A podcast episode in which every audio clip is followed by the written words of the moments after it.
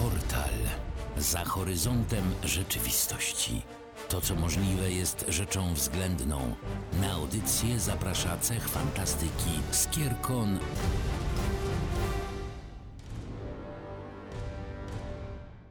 W noworoczne popołudnie, w tym szczególnym portalu, wita Was Aurelion i Czyli cześć. Wraz z odradzającym się słońcem, wraz z nadzieją na nowy rok, wraz z noworocznymi postanowieniami, które sobie zrobiliśmy wczoraj albo dzisiaj rano. Ja nie.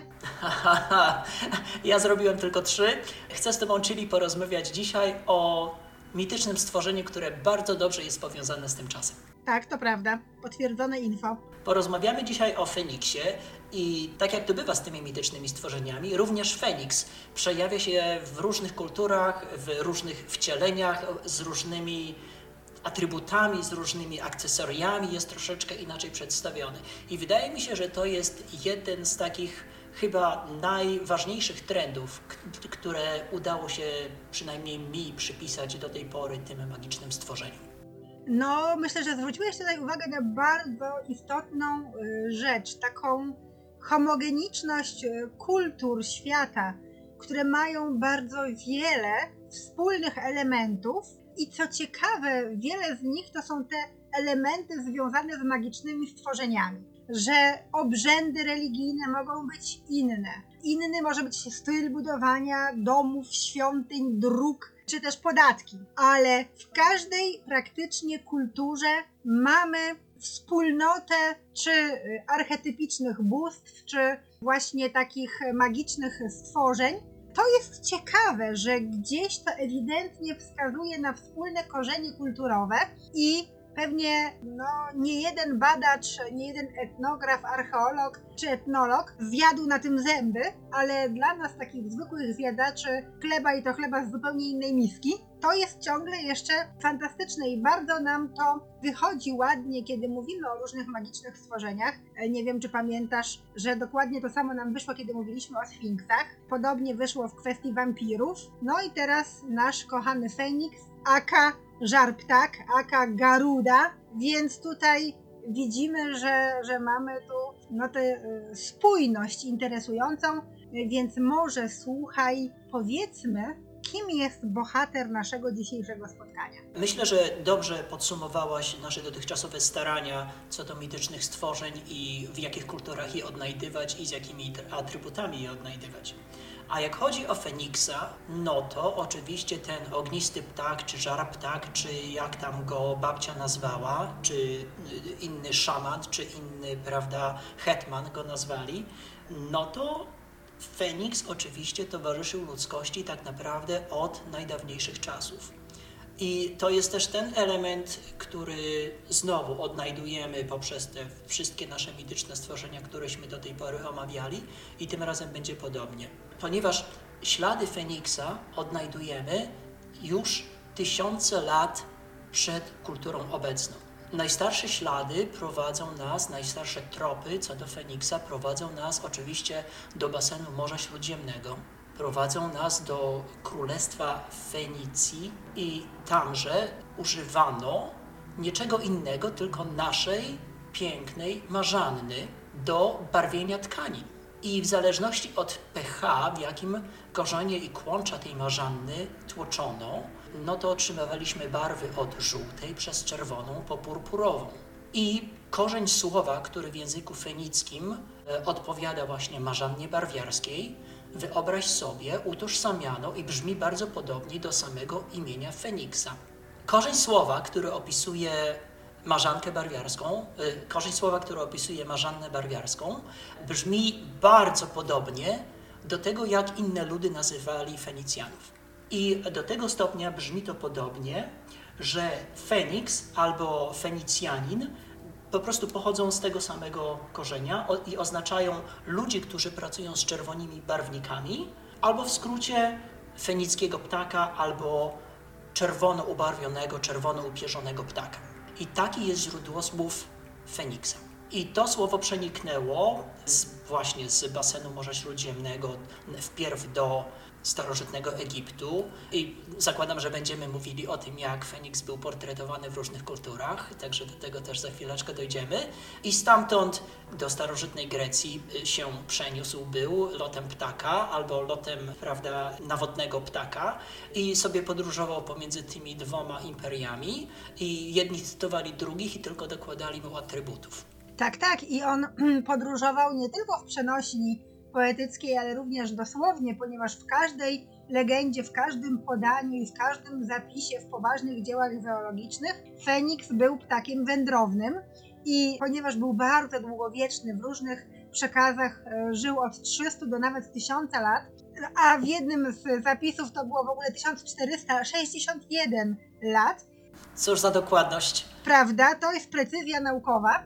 I ten Feniks żył sobie w pewnych miejscach do momentu osiągnięcia dojrzałości, a następnie, żeby skonać w płomieniach, udawał się najczęściej do świątyni Boga Słońca, czy to był Helios, czy był to inny Bóg Słońca, ale we wszystkich tych legendach przewija się właśnie ten wątek i tam właśnie składał się niejako w ofierze wschodzącemu słońcu, powracającemu słońcu, bo to się bardzo często działo właśnie w okresie przesilenia zimowego i no i tam właśnie umierał, a w ciągu trzech dni odradzał się. Najpierw był na przykład nasionkiem, potem jajkiem, a potem pisklakiem, a potem dorosłym ptakiem, a czasami był najpierw robakiem, potem pisklakiem, a potem dorosłym ptakiem, czyli generalnie różnie bywało, ale widać tutaj taką etapowość życia e, Feniksa.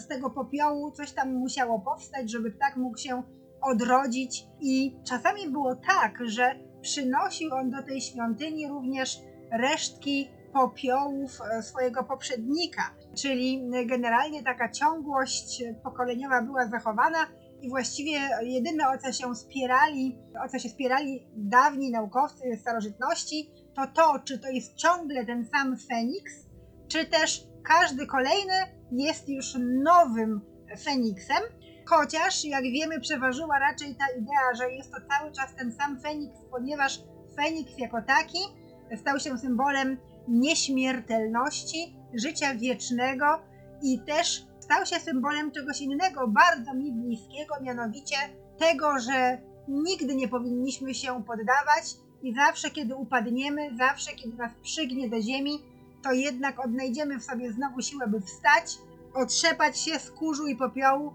i dalej żyć, działać i walczyć, bo dopóki walczysz, jesteś zwycięzcą. I ta symbolika Feniksa bardzo mi się podoba.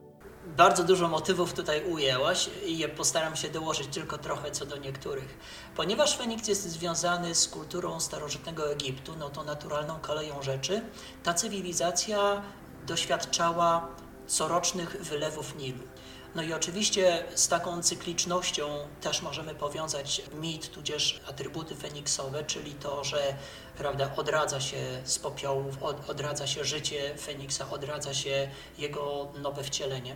To, co jeszcze ważne, jak chodzi o Egipt w aspekcie Feniksa, to to, że dziecko Feniksa przynosiło do świątyni w Tebach, do świątyni Słońca w Tebach, e, uwity kokon z gałązek miry, w którym to kokonie zawierał się ze zwłok jego przodka.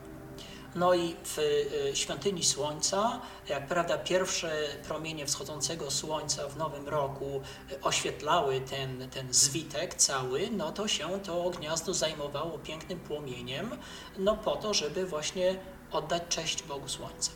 No i oczywiście, jak to się potem odradzało, to nie podali za bardzo dokładnie, ale, ale owszem, ujęli to, że czasami to był robaczek, który pachniał sło, słodziej niż, niż róże, albo właśnie jakieś nasionko, albo jakieś coś jeszcze innego takiego, które świadczyło o tym, że to są wczesne fazy kolejnego wcielenia takiego Feniksa. Ale generalnie ta cykliczność faktycznie była czymś, co podkreślano chyba we wszystkich kulturach, jak chodzi o tego Feniksa. No i oczywiście, jak kultury starożytne przez Grecję i, i przez Rzym natknęły się na kulturę chrześcijańską, no to wiadomo, że kultura chrześcijańska ma to do siebie, że dużo takich symboli przejmuje i dodaje im swoje własne interpretacje, w związku z czym atrybut Feniksa, czyli atrybut odrodzającego się życia, był też, no rzecz jasna, synonimem Chrystusa. To jest bardzo ciekawe, w jaki sposób rozwijały się e, mity związane z Feniksem w różnych częściach świata. Na przykład bardzo ciekawi mnie wizja Feniksa w e, mitologii chińskiej, gdzie Feniks był królem wszystkich ptaków, jak zresztą w wielu mitologiach był pta ptakiem królem, ale Feniksy w mitologii chińskiej miały dwie płci pierwotnie i rozmnażały się jak zwykłe ptaki chociaż były od nich znacznie szlachetniejsze i czarodziejskie, ale ponoć współcześnie generalnie uznaje się Feniksa za ptaka żeńskiego, że wszystkie Feniksy są żeńskie, dzięki czemu mogą tworzyć pary z smokami chińskimi. Interesujące. Dosyć interesujące, zaiste. Takie, taka krzyżówka międzygatunkowa.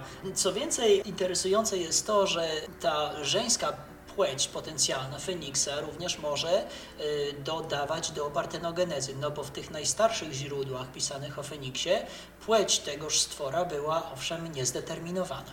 Tak, podoba mi się też idea Feniksa indyjskiego, gdzie tamtejszy Feniks, czyli Garuda, był bardzo ważnym bóstwem, bardzo potężnym, dobrotliwym, opiekuńczym, które miało jedną bardzo ważną funkcję, ponieważ woziło na swym grzbiecie samego Wisznu i jako wierzchowiec Wisznu Garuda brał udział w wielu bitwach, wielu wojnach, zawsze stojąc na straży dobra i sprawiedliwości i Garuda był bratem woźnicy Boga Słońca. Czyli generalnie wszystko się w otoczeniu tych, tej słonecznej, mocnej energii działo i Garuda no, był takim właśnie bogiem opiekuńczym, jednocześnie był bardzo zacięty w walce, zawsze walczył z wszelkimi siłami zła, no był takim symbolem szczęścia, bezpieczeństwa. Tak więc naprawdę też taka bardzo dobra konotacja, bardzo takie, takie podejście do niego jako takiego wielkiego, słonecznego, bojowego ptaka wierzchowca no jest też takie, wydaje mi się, atrakcyjne spojrzenie na, na naszego Feniksa.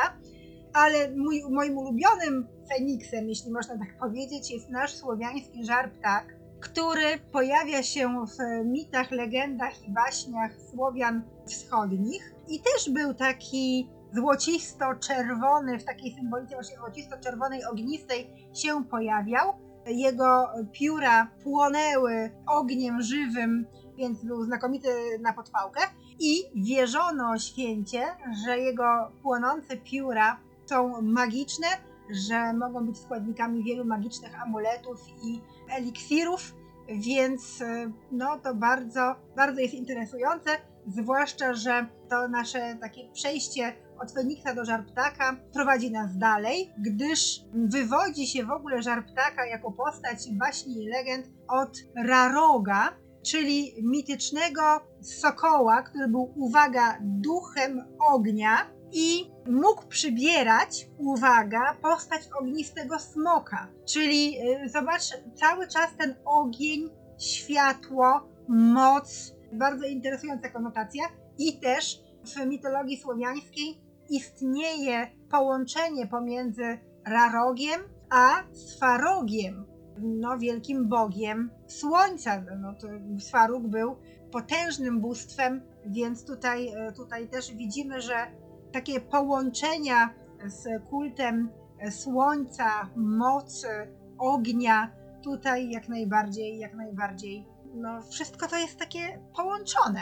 Jest takie połączone. Jedyną różnicą, którą ja zauważyłem, oprócz tego, że jest bardzo wiele podobieństw, to jest taka, że w, tej, w tych naszych kulturach słowiańskich, czy to żar ptak, czy to raruk, czy to żar ptica, czy to wtak ogniwak, czy w basenie Morza Śródziemnego bardziej, mamy postać Feniksa, która przypomina bardziej orła niż sokoła A y, właśnie ten raruk y, jest utożsamiany z sokołem, albo częściej jest przedstawiany pod postacią sokoła z dodatkowymi właśnie ognistymi piórami, z kolorami, które odpowiadają różnym etapom słońca w ciągu dnia, kolorem. Także to jest taka jedna, jedna różnica, która mnie uderzyła. A jak chodzi o, o samego raroga, to jeszcze w słowiańskich podaniach, w słowiańskich mitach Pokazuje się go, przedstawia się go czasami pod postacią malutkiego demona, którego można schować do kieszeni i w tejże postaci ten demon owszem może przynosić również szczęście ludziom. Także szukajcie po kieszeniach ludzie, chowajcie różne, wiecie, nasionka, tudzież okruszki po kieszeniach, to nie wstyd, no bo kto wie, jakie, jakie tam rarogi mogą pomieszkiwać. To prawda, a jeżeli jeszcze nie pomieszkują, to jak będziecie mieć coś smacznego w kieszeni, to to wie większe prawdopodobieństwo. I jeszcze chciałam tylko zwrócić uwagę, że żar ptak znany z wschodniosłowiańskich baśni przypomina mniej sokoła, mniej tego raroga, a bardziej feniksa chińskiego, bo ten żar ptak i chiński feniks tak naprawdę przypominały raczej takiego pięknego, złoto-czerwonego, płonącego pawia, bo to były takie właśnie mniej może drapieżne, a bardziej ozdobne, spektakularne ptaki, więc tutaj być może ten żar ptak, który jest takim wytworem powiedzmy baśniowo-literackim, czerpał już z tych wzorców dalekowschodnich. Trudno mi powiedzieć, nie jestem ekspertem. Widzisz, wydaje mi się może, że kultury czerpały ze swoich najszlachetniejszych archetypów ptasich. Tak mogło być. Z tego na przykład powodu u Egipcjan najstarszych ten ptak występował po prostu pod postacią udekorowanego dodatkowo żurawia. Tak, żurawia lub czapli. I rzeczywiście również e, w Chinach pozowanie tych e, feniksów też je nieco upodabnia do żurawi i tak samo jak żurawie, te ptaki przynosiły szczęście, były też takim symbolem szczęścia i pomocy. Więc tutaj e, tak e, też, też można to e, odnieść do tego szczęśliwego, majestatycznego, przynoszącego otuchę i nowe światło tworzenia, e, którym jest Feniks. Oczywiście postać Feniksa była na tyle popularna, była na tyle ważna i na tyle, wydaje mi się, inherentna do naszych kultur indoeuropejskich, że przez wieki się przejawiała, no i tak jak Feniks również się odradzała pod trochę zmienionymi postaciami, z trochę zmienionymi detalami. No i na przykład przejawiają się te Feniksy w różnych pismach również z Rzymu, również z Watykanu, u różnych myślicieli średniowiecznych, u różnych dramaturgów średniowiecznych i późniejszych, taki na przykład William Shakespeare również zawiera opisy Feniksa i porównuje nikogo innego, tylko królową Elżbietę, która wtedy objęła tron do takowego Feniksa. Więc y, te postaci są bardzo mocno zakorzenione w kulturze i tak naprawdę do Feniksa przyrównuje się no, tych największych ludzi, te osoby, które są bardzo ważne dla historii, umówmy się, naszej kultury, szeroko rozumianej. Często używa się takiego przyrównania kogoś e, lub jakiejś sytuacji czy jakiegoś państwa e, do Feniksa, kiedy chce się zauważyć, że ktoś, e, no, kto zaliczył jakiś upadek, czy jakieś osłabienie, czy, jakieś, czy jakąś przegraną, nagle podniósł się i uderzył i spe, e, zaliczył spektakularny powrót. Mówi się właśnie o nim, że powstał jak Feniks z popiołów, co ma sugerować, że wszyscy już na nim położyli krzyżyk, a tymczasem on wstał, otrzepał się, poszedł dalej i wygrał. Ta symbolika jest bardzo dobrze oddana również w heraldyce, bo otóż dosłownie, dosłowne powstanie z popiołów umożliwiło postawienie Feniksa na przykład w herbie San Francisco po olbrzymim pożarze z początku XX wieku. Podobna historia jest związana z miastem Coventry we Wielkiej Brytanii, które doświadczyło podobnego losu. No i właśnie to, że miasto się odradza, to, że to jest nowy początek, to, że po jakiejś katastrofie grupa ludzi, jakaś społeczność się podnosi, no w niektórych wypadkach dosłownie z popiołów, wydaje mi się, że jest dobrze udokumentowana w ten sposób we herbie. Nie dziwota zatem, że tak ważny symbol nie umknął twórcom kultury popularnej i kultury masowej i kultury wysokiej. No i w związku z tym, owszem, obserwujemy wcielenia Feniksa we wielu różnych dziełach, O Szekspirze już mówiłem, e, pojawia się również u, u Dantego w jego największym dziele, ale pojawia się również w dziełach nam dużo bardziej bliskich.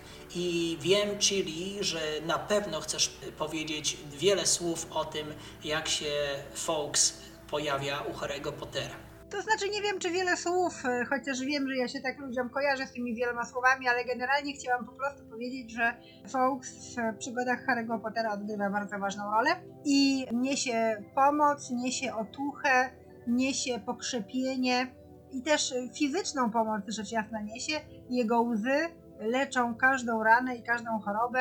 Jego obecność jest bardzo krzepiąca na różnych e, poziomach. Jest też e, ten ptak bardzo wierny, jest oddany Dumbledorowi, znika z naszej opowieści tak naprawdę dopiero po śmierci Dumbledora. Mam nadzieję, że to nie jest dla nikogo spoiler. W każdym razie jest to jak najbardziej jasna postać, która przynosi pokrzywienie w momentach, kiedy wydaje się, że już nic a nic nie da się zrobić i sytuacja jest beznadziejna. Wtedy pojawia się Fawkes i ratuje sytuację. Odgrywa rolę analogiczną do orłów Tolkiena i to jest y, dosyć wzruszające. Jak chodzi o Foxa, to ja bym dodał jeszcze tylko parę drobiazgów, bo ty bardzo dobrze e, scharakteryzowałaś e, tę postać.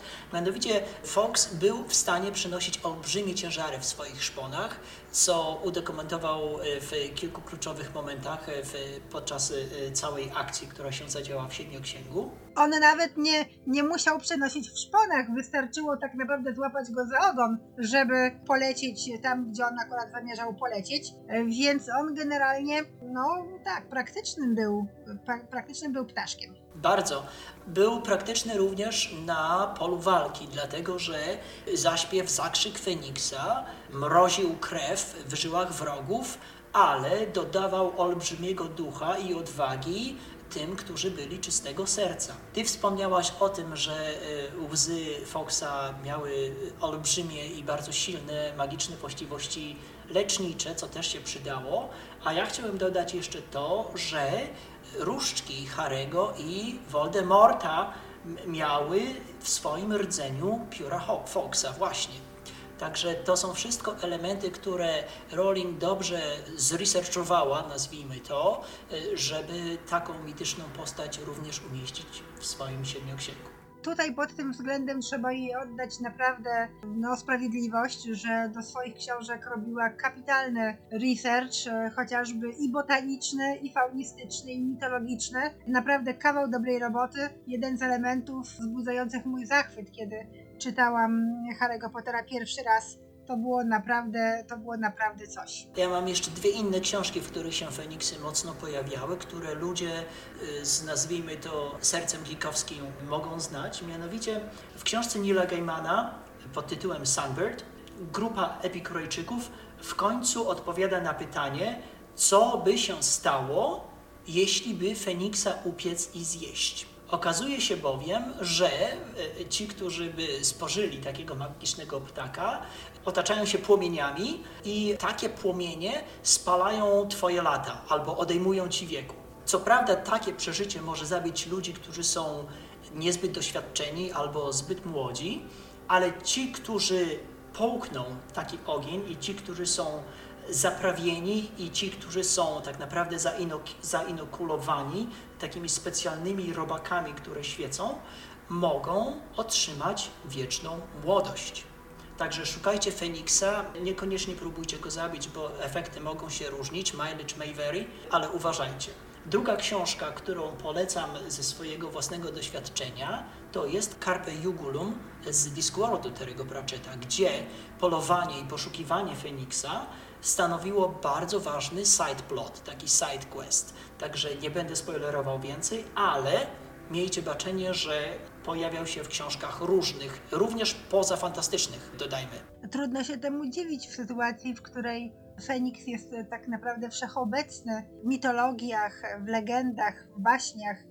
Żyjemy nim, można powiedzieć, za pan brat, więc trudno się dziwić, że pojawia się w różnych postaciach i w różnych rolach w naszej kulturze. Jest tutaj jego miejsce jak najbardziej uzasadnione. Nie tylko książki są elementami kultury i jak chodzi o muzykę na przykład, to Feniks tam też się pojawiał, bowiem już nie u kogo innego jak u Mozarta w Così fan tutte, wierną kobietę tak trudno znaleźć jakoby Feniksa. Trzymam kciuki za wszystkich szukających. I to jest jedno pojawienie się ważne Feniksa w kulturze. Drugie to jest całkiem niedawna wygrywająca piosenka Eurowizję z Austrii pod tytułem Rise Like a Phoenix, którą też polecam Waszej uwadze. Kapitalna ballada, która wydaje mi się, w mojej przynajmniej opinii, słusznie wygrała. Czuję się w obowiązku, plus przyjemność też czuję, żeby wspomnieć o Feniksach, moich ulubionych Feniksach, mianowicie tych Feniksach, które pojawiają się w grze e, Heroes of Might and Magic 2 na przykład, ale również pojawiają się w fanowskich dodatkach do Heroes of Might and Magic 3 i tak czy siak zawsze są to przepotężne istoty, które stoją po stronie dobra i strasznie je, strasznie je lubię i od razu mi się uśmiecha twarz i tęsknotę odczuwam, żeby znowu zagrać w tę ukochaną grę. Tylko tym razem dla dodania idei pikanterii zagram w dwójkę właśnie, żeby spotkać się z Feniksami. W trójce pojawiają się również ptaki ogniste, które potrafią strzelać gromem na odległość, ale wyglądają No to są roki. Wypisz, Mhm. wymaluj właśnie jak generalnie pr- przypominają mi Feniksy. Z mojego doświadczenia w grach mogę dodać, że w World of Warcraft oczywiście pojawia się taki mount, czyli wierzchowiec, którego możemy zdobyć i to trzeba się nieźle napracować, żeby, żeby tego wierzchowca upolować, bo trzeba wiele questów zrobić i itemki pozbierać, które wcale często nie padają, bo wierzchowiec jest legendarny. Nazywa się ten wierzchowiec popiołami Al-Ar albo popio- popiołami Al-Ara. Więc y, to też sugeruje, no jest powiązane z tym, jak to Feniksy działają w y, tym albo innym wszechświecie. Oczywiście to, co przedstawiliśmy powyżej, to są tylko niektóre z wcieleń i pojawień się Feniksa, na które można się natknąć w, we wielu dziełach kultury i we wielu dziełach literatury i sztuki. Z ciekawością wyczekujemy Waszych przykładów, żebyście przedstawili Wam Wasze ulubione Feniksy i które wcielenia Wam podeszły najbardziej. Czy to ze względu na wierność oddania postaci, czy, czy to ze względu na role fabularne, którą odgrywały, czy to ze względu na to, że po prostu są ładnie narysowane lub ładnie przedstawione. Od razu widzę te piękne ilustracje w rosyjskich baśniach, gdzie żar ptak był naprawdę taki, powiedziałabym, spektakularny. To jest moje pierwsze skojarzenie, wiesz? Imprint po prostu z dzieciństwa. Ten żar ptak absolutnie A jak chodzi o inne hity, no to oczywiście będzie ich cała masa, bo do tego znamienitego chóru stworzeń magicznych ze smokami, z feniksami, z jednorożcami dołączą inne w kolejnych portalach. A te portale, które do tej pory zostały wyemitowane, możecie znaleźć i na Facebooku, i na YouTubie, i na Spotify'u, i na naszej stronie internetowej skierkon.pl. No i zapraszamy Was, jeżeli znajdziecie chwilkę, po to, żebyście spędzili ją z nami, skacząc po różnych uniwersach i szukając innych magicznych stworzeń. Tak jest. Z ciekawości zapodałam sobie na smartfona Spotify'a, to przez ciebie, bo ty tak ciągle mówisz, że na tym Spotify'u, to Spotify i powiem ci szczerze, że super się słucha portalu na Spotify. Słuchajmy zatem razem w najbliższej i w dłuższej przyszłości. No i zapraszamy do odsłuchiwań i do komentarzy. Najważniejsze, żebyśmy tutaj byli razem. Trzymajcie się i do następnego razu. Do siego roku. Cześć.